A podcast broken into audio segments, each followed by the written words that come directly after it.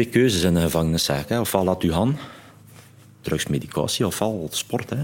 Ik heb veel goede mensen die kapot gaan in gevangenis.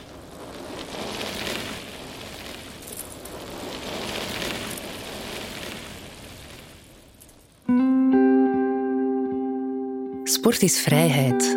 Sport is ontsnappen. Vluchten van jezelf. Wegrijden van je verleden. Maar kan dat ook als je altijd binnen vier muren zit? Als jouw realiteit zich afspeelt achter de tralies. Gedaan met sport. Voor de moment stop het. Niet aan te doen. Ik ben Debbie de Ridder en in deze podcast volg ik zes anonieme veroordeelden uit de gevangenis van Oudenaarde. Samen vormen zij het eerste e-cycling-team voor gedetineerden. Drie maanden lang trainen ze intensief en nemen ze deel aan ritten en wedstrijden. Anoniem, vanuit de gevangenis, in de virtuele wereld van Zwift. Een wereld die hen alleen beoordeelt op hun prestaties op de fiets. Ik denk dat elke mens, hoe slecht het hem ook is, voor sommige mensen wel goed zal zijn en andersom. Zo leven ze toe naar de koers van hun leven.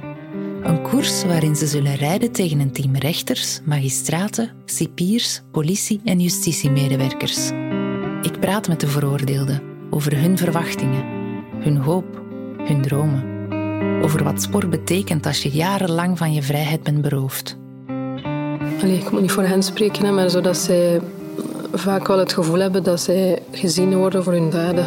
En dat ze hun daden zijn, in plaats van dat dat zaken zijn die ze effectief ook gedaan hebben, maar dat ze daarnaast wel nog altijd gewoon mensen zijn met andere talenten en kwaliteiten. Kan sport er inderdaad voor zorgen dat gedetineerden rust vinden? En verdienen ze die rust wel?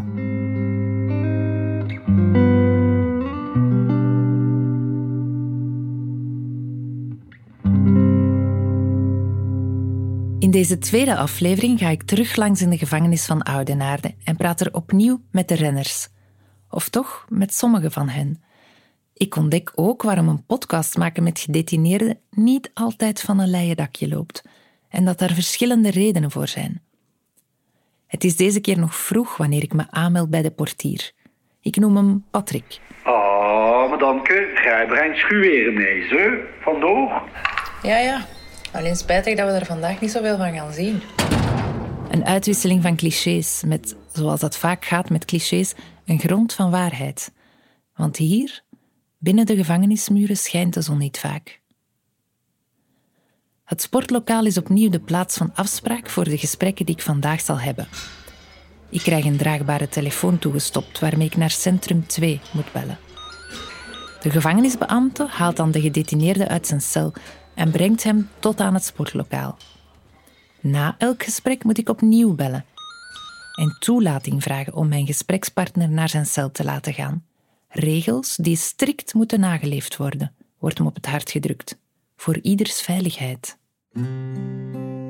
In aflevering 1 stelden Dieter, Salim en Danny zich aan je voor.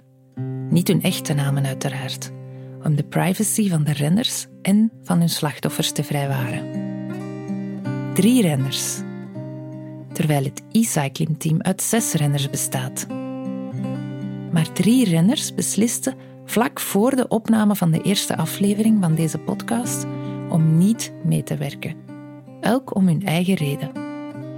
Ja, dat is moeilijk om daar zo um, een eventuele oorzaak of, of verklaring aan te geven. Hè. Je hoort Hedder Loontjes. Hedder is de sportfunctionaris van de Rode Antraciet, de VZW die via cultuur en sport zuurstof van buiten de gevangenis naar binnen wil brengen.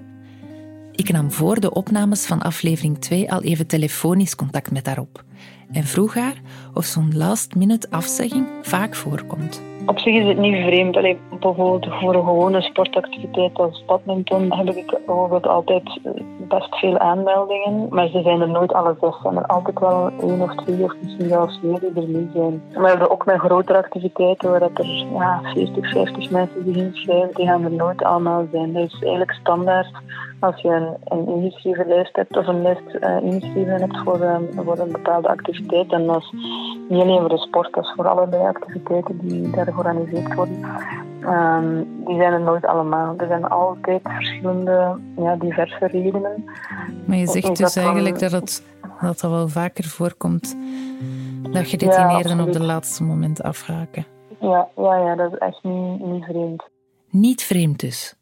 En verder in deze aflevering hoor je inderdaad dat dit niet de laatste keer was dat ik met een last-minute wijziging zal geconfronteerd worden. Maar fast forward naar de dag van de tweede opname. Mijn eerste babbel vandaag is met Salim. Je weet wel, de veertiger die tijdens zijn legerdienst ontdekte dat hij een sporthart heeft. Ik heb altijd veel bewogen, Ja? maar ben eigenlijk echt sportief beginnen worden, als ik het zo mag noemen. Eh, op mijn 18, 19 heb ik het idee gehad om het leger te gaan. Daar mij getest. En daar men mij gezegd van, amai, jij moet veel sport doen. Ik zeg, nee, eigenlijk niet. Maar ik blijk dus een sporthart te hebben.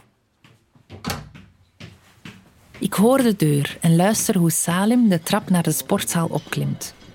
Met de vlotte tred van iemand met een sporthart. Achter zijn masker zie ik zijn ogen lachen. Hij ziet er anders uit dan de vorige keer. Meer ontspannen, in zomershort en met kort geschoren haar. Je hebt een ander kapsel. Wel, iets minder, iets minder kapsel, ja, ja. Maar ik was totaal vergeten dat het vandaag was. maar goed, dat maakt niet uit. eh, Want ik, zag, ik was aan het lezen, ik zeg, oh, gaat die deur nou weer open? Ik zeg, oh ja, podcast. Ze had met partij gezegd, hè, maar... Salim is naast een sportman ook iemand die graag leest. Ik raad hem De meeste mensen deugen van Rutger Bregman aan. Een boek waarin de schrijver het eeuwenoude geloof dat de mens doordrongen is van het slechte helemaal weerlegt. Mijn idee daaromtrent is misschien licht anders. Daarom? Maar dat is al niet... Nee, ik heb het nog niet gelezen. Ik weet ook niet of dat hem gelijk heeft. Ik ben er niet uit. Ja, iedereen heeft zijn mening. Hè. En ja, Ik denk dat elke mens, hoe slecht het hem ook is, voor sommige mensen wel goed zal zijn en andersom. Ja, goed, ja, ik denk ook voor veel mensen eh, een slechterik. En voor, tegelijkertijd voor andere veel mensen niet zo slecht als de anderen denken. Dus ik denk dat het allemaal niet al dubbel is. Hè. Eh, Ik heb daar veel over nagedacht. Ik vertel Salem dat ik veel heb nagedacht sinds ons vorige gesprek. met de anderen. Over het feit dat mensen tegenwoordig over alles een mening hebben. Ook over het Breakaway-project. Over gevangenen en waarom ze daar zitten. Ja, maar je blijft met dat etiket Hij vindt dat spijtig, maar begrijpelijk, zegt ja, hij. eh, Eerlijk gezegd, voordat ik zelf in de gevangenis zat, ja, was mijn denken daaromtrent ook wel anders dan nu, wat dat niet abnormaal is. En ja, over zaken waar je uiteindelijk het fijne niet van weet, een vooroordeel of een, of opinie die vaak ja, niet gefundeerd is of die mm, opgedrongen is door, door is nu ouders of media of, of, of tal van factoren. Hebben mensen in de gevangenis het recht om te ontsnappen? Niet uit hun cel natuurlijk, maar wel uit hun bestaan achter de tralies. Uit hun eigen hoofd, bijvoorbeeld via sport. Heel veel mensen vinden van wel. Dat merk ik aan de respons op de eerste aflevering van deze podcast. Maar ook Hedder kreeg overwegend positieve reacties tot nu toe. Ja, nee, het heeft ons ook allee, aangenaam verrast. We hebben wel vanuit Rode Traciet dan ook wel wat ervaring met andere soortige projecten eh, en media-aandacht. Het was ook een bezorgdheid van Decathlon, hè, van wat gaan de reacties daarop zijn. En die zijn inderdaad zeer overwegend positief geweest. En de mensen zien in waarom dat, dat belangrijk is en wat dat, dat doet met de mensen. We zijn daar heel blij voor dat het toch blijkbaar zo is overgekomen. Allee, ik moet niet voor hen spreken, hè, maar zodat zij vaak wel het gevoel hebben dat zij gezien worden voor hun daden. En dat ze hun daden zijn, in plaats van dat dat zaken zijn die ze effectief ook gedaan hebben, maar dat ze daarnaast wel nog altijd gewoon mens zijn met andere talenten en kwaliteiten. En dan is een project als dit iets dat dat zo een keer extra in de kijker zet en een beetje ook ja, gewoon normaliseert dat dat mensen zijn die, net als vele andere buiten, geïnteresseerd zijn in sport, in, in wielrennen. Ik verschiet ook niet van die reactie. Ja, ze worden heel, heel menselijk benaderd en, en ja, voilà, dat gevoel eh, drijft dan wel boven. Ja. Gedetineerden zijn nog altijd gewoon mens. En met de mensen gebeuren er af en toe al eens onverwachte zaken. Zoals met Danny. Danny, die me in de vorige aflevering vertelde dat hij het mentaal heel zwaar had. Ik zit in een depressie. En in het begin was het, oh ja, ja, ja. En ik denk twee weken nadien was dat zo naar beneden. En was van, pff, oh ja. Ze heeft geen goesting voor uit je bed te komen hier. eh. Waarom nog?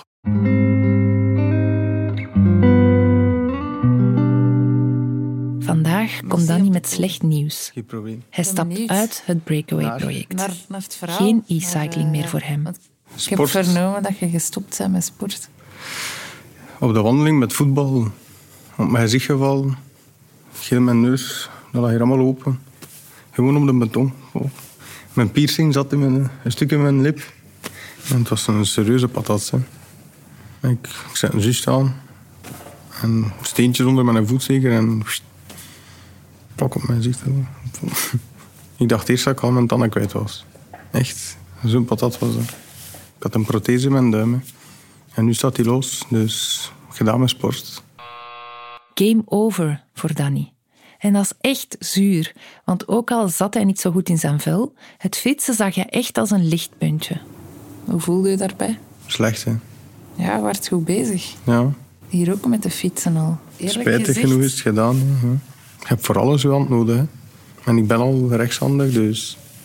Ik had het gevraagd in de kliniek. Hè. En die dokter zegt, fietsen? Nee, zeg. Minste dat je te veel druk gaat zetten, zeggen, gaat die prothese er volledig uit schieten uit dat been. En dat sta je veel verder van huis. Ja, ik vind het Dus jammer ja. voor u. Want ik had de indruk dat dat voor u wel, wel wat betekende. Er kunnen weer kilo's bijkomen. Hè. En het is dat met de sporten. Hè. Voor de moment stop het. Hè. Niet aan te doen. Exit Danny.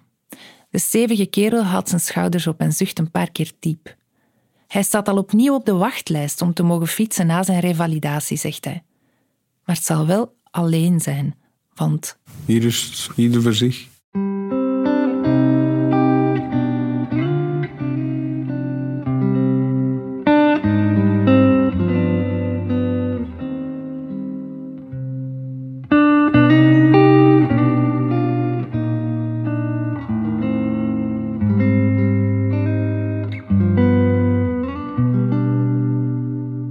Omdat Danny door zijn ongeval moet afhaken, kwam er een plek vrij in het breakaway-team. En die werd met veel enthousiasme ingenomen door Toon. We hebben elkaar voor vandaag nog niet ontmoet, Toon en ik. En daar ben ik best wat zenuwachtig over. Geen voorgesprek. We moeten er gewoon meteen invliegen. En al snel blijkt dat ik niet de enige ben die nerveus is. Over, ja, het is voor mij ook de eerste keer nu. Ja. Dus, eh, ik was al een beetje nerveus tegen één uur. allee. Ik Ja. heb nog een beetje tijd om rustig te worden. En Toon is eh, achteraan in de dertig en een indrukwekkende verschijning. Een gladgeschoren spierbundel in trendy sportkledij, met een mannelijk parfum waar ik gisteren op tv nog een reclamespot over zag. En een brede, iets wat onzekere glimlach, met daarboven blinkende pretogen. Ik leg hem uit wat de bedoeling van de podcast is en pols naar zijn sportiviteit. Ik ben sportief, ja, dat wel. Als kind, eh, ja, ook al. Ja. Ik heb altijd eh, ja, begonnen als in de voetbal. eh, ja. Ik heb tot mijn acht jaar eh, gevoetbald, maar eh, Intensief? Intensief, ja. Maar een beetje, ik weet niet, kan ik dat zijn dat mijn pa mij door een beetje gepusht heeft of niet? Eh, dat heeft Ja. dan nog een keer dat effect gehad bij mij. eh. Dus heb ik dat een beetje laten leiden dan eh, ook... ja, een beetje het verkeerde pad aangekozen. Hè. Mijn ouders waren ook niet sportief hoor, maar ja. Het is zo meestal, kijk, ik heb nu ook een zoontje en het duwt hem ook altijd. Hè. Voetbal, voetbal, voetbal. Maar uw ouders steunen u wat. Mijn ouders steunen mij zeker. ja. Ik speelde niet slecht. Ik had dan, in die tijd was dat de kans om, naar, eh, om nationaal te spelen bij Waregem. Waregem, Gent en Deens was dat, dacht ik. Maar like dat ik zeg, ik, heb, allee, ik was al een beetje... Het uitgaan was dan, stond bij mij op nummer 1. En mijn papa was daar heel, eh, heel kwaad voor dat ik die keuze pakte. Dat ik in feite iets wegsmeet. Allee, iets ging verpesten dat eh, misschien heel veel beter ging geweest zijn dan nu. hè. Ja. Zou je daar nu anders in kiezen? Ja, toch wel. Ja. Maar ik kan de tijd niet terugdraaien. Hè. Als ik gestopt was met voetbal, heb ik dan ja, een tijdje niet gesport. eh, en dan op een latere leeftijd heb ik beginnen fietsen. eh, mountainbike eh, vooral. Toon was dus een voetballer en mountainbiker buiten. Geen wielrenner, want de adrenaline van het mountainbiken gaf hem een grotere kick. Adrenaline, ja. Ja. Een groep vrienden, eh, stoffen. Eh, dit, dat. Een weekendje een fietsen. En dan fitness ook, vooral eh, heel veel fitness. Ah, die goede oude fitness. Die komt vaak terug in mijn gesprekken met de gedetineerden. En daar is een verklaring voor. Als je opgesloten wordt in de gevangenis, dan wordt er veel van jou afgenomen op vlak van controle. Het enige waar gedetineerden nog wel controle over hebben, is over hun lichaam en hun geest. En de rest? Dat moet je volgens Salim en Toon gewoon ondergaan. Het systeem van, ja, je moet gaan maar ondergaan. En ja, ja, dat, dat is het.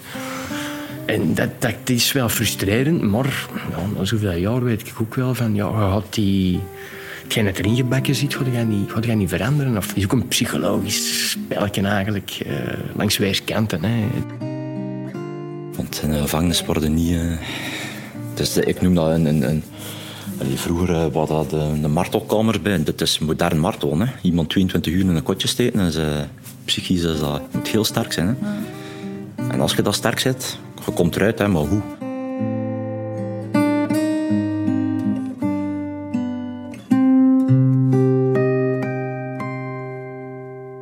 twee keuzes in de gevangenis. Zeg, hè. Ofwel laat u gaan, drugsmedicatie, ofwel sport. Hè. Dat zijn de enige keuzes. Hè.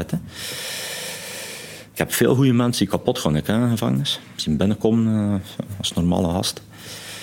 Vrouw weg, ik heb het ook meegemaakt. Hè. Ik heb ook even diep gezeten. Hè. Ik heb me zwaar herpakt weer. Uh. Ja.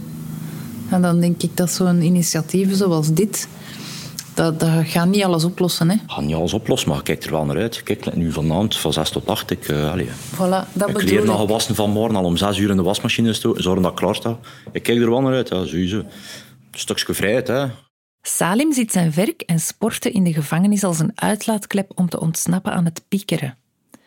Hij wil een gezonde geest in een gezond lichaam. En daar slaagt hij in. Het fietsen gaat, gaat goed. Ik probeer ik zoveel mogelijk kilometers te doen. En als er een parcours is dat mij aanstaat, klim ik wel graag. Uh, allee, of het, mag, moet voor mij niet al, altijd plat zijn. We zijn eens ingeschreven geweest voor een race. Dan mag ik u proficiat wensen met uw resultaat daarop.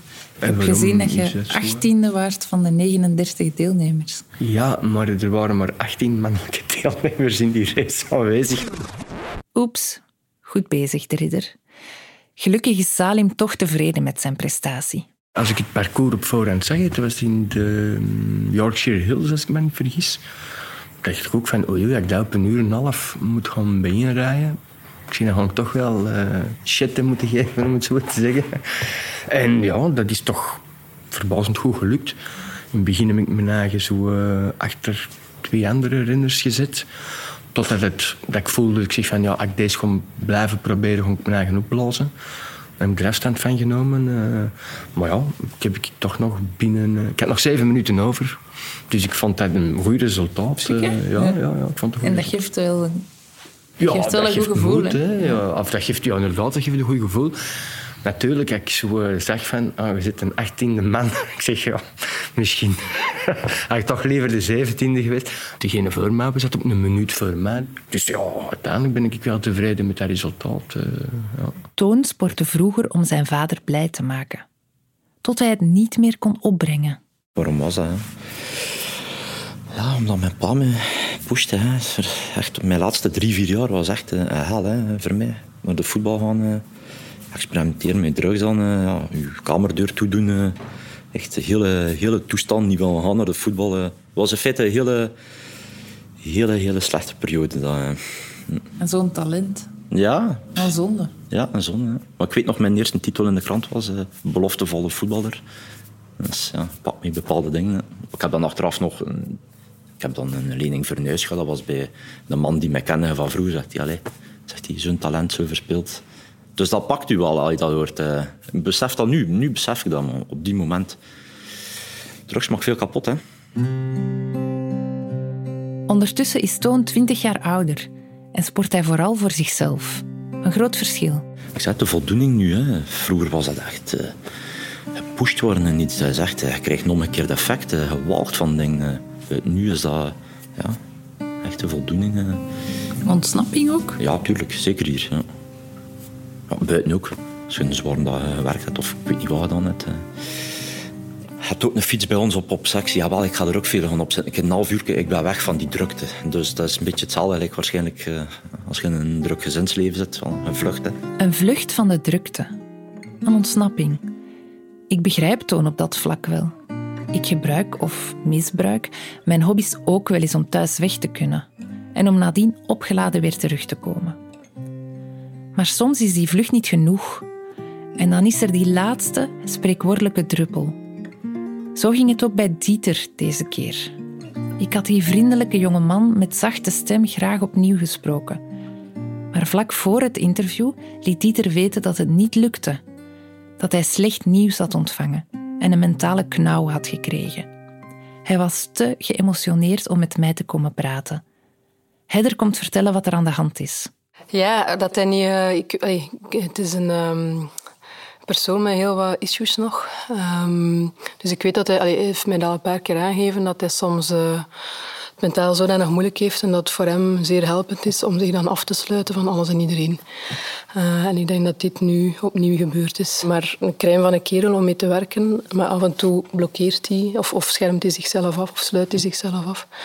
En dan heeft er niemand toegang toe. Voor hem is dat de enige manier om niet, terug, eh, niet te hervallen in agressie of dergelijke. En is dat voor hem een soort van zelfbescherming.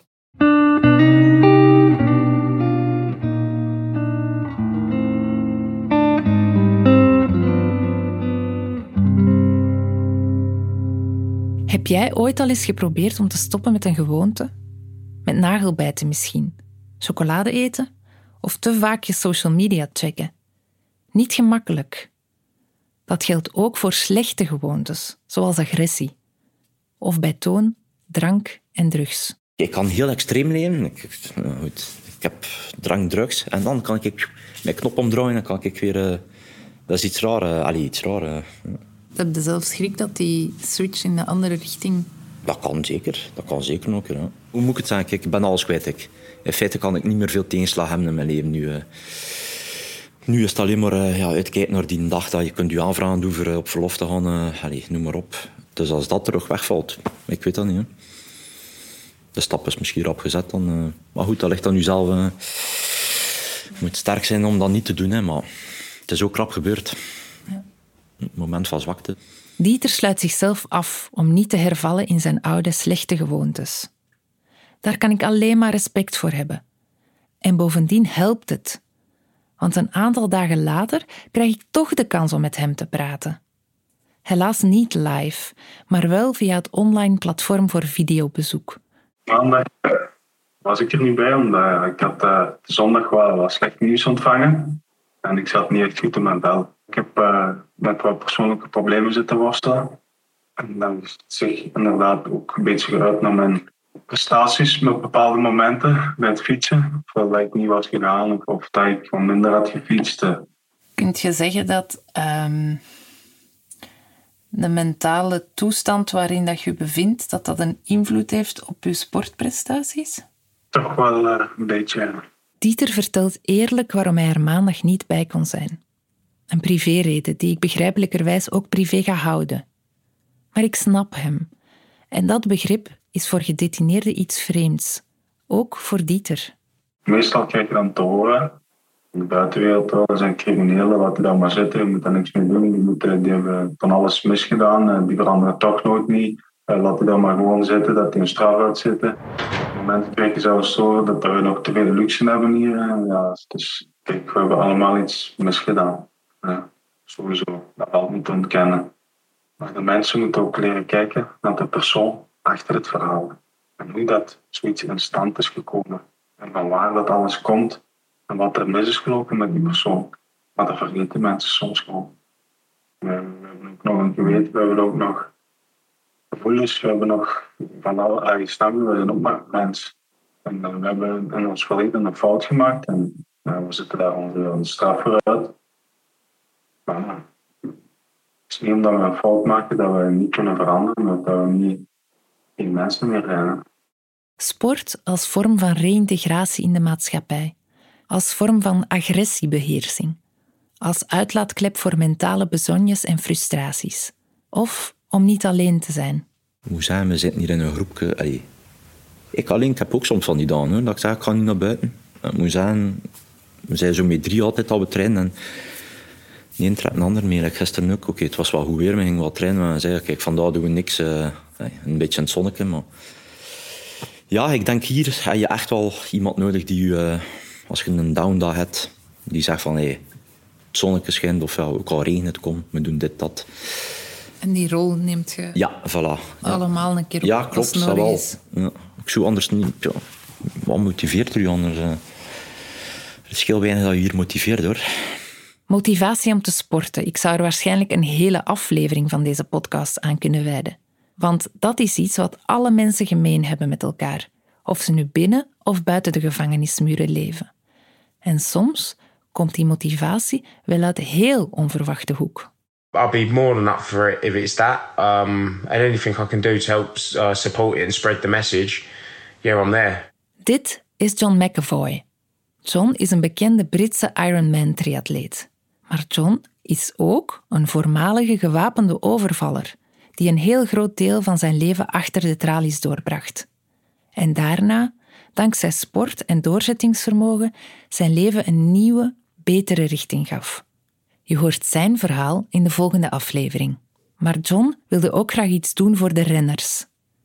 Daarom riep hij zijn 30.000 Instagram-volgers op om samen met hem en de renners van de Breakaway een race te rijden. Hij stippelde de weg uit en Dieter, die reed mee. Op een gegeven moment uh, mocht je dan ook tegen mij samen met die triatleet aan rijden van Engeland. En dat vond ik, ja, dat was mijn hoogtepunt eigenlijk nu toe van heel het fietsen gebeuren dan. Maar ik vond het gewoon mooi in de zin van uh, hoe dat Heather en zo allemaal betrokken waren in dat moment dan. En ook, ook de steun die ik kreeg dan van, van, van die triatleet. En die had ook wat collega's en zo van hem opgetrommeld voor samen met, met, met mij mee te rijden. En allemaal positieve feedback. En dan ook van het moment dat ik wat verzuring en zo had in mijn benen. En dan begon hij mij te motiveren. Dat was, dat heel mooi. Dat was echt, ja. Dat gaf mij meer mentale kracht, meer fysieke kracht. Het was, het was ook even voor mij een momentje dat ik volledig ontsnapte aan alle miserie en alle stress wat ik allemaal heb gehad. Aan, de gevangenis, alles, alles was, het was gewoon dat moment zelf alleen was ik gefocust op dat en dan hetgeen wat rondom mij gebeurde en dat zit. Dus, ja, heel bevrijdend die mentale en die fysieke kracht dat je dan extra krijgt door die motivatie, dat is iets, iets kleins in principe, maar het doet toch veel eigenlijk. Dieter voelde zich gesteund en begrepen door John McAvoy. En dat zorgde ervoor dat hij veel beter presteerde op de fiets dan gewoonlijk. Zijn dankbaarheid schreef hij neer in een ontroerende brief. Dit was de tweede aflevering van de ontsnapping. Bedankt voor het luisteren. De volgende keer ontdek je wat er in de brief van Dieter aan John McAvoy staat. Verder praat ik ook nog met andere mensen voor wie sport een ommekeer betekende in hun leven. Zoals voor Ismail Abdul, Europees kampioen boksen en ex-gedetineerde. Dus ik kan vandaag mijn zonen in hun ogen kijken en zeggen van kijk, papa heeft slechte dingen gedaan, maar papa is niet slecht van inborst. Weet wel? En iedereen kan fouten maken, maar terug op de goede spoor terechtkomen is het belangrijkste. De ontsnapping werd gemaakt voor Decathlon. Ik bedank de renners, Heather, John en Ismail voor hun openheid. En de Rode Antraciet en de gevangenis van Oudenaarde voor hun steun. Interviews, redactie en eindredactie door mezelf, Debbie de Ridder. Geluid door Matthias van Gassen en montage door Kiaran Verheijden. Vond je deze podcast boeiend? Abonneer je dan in je favoriete podcast-app en schrijf een review.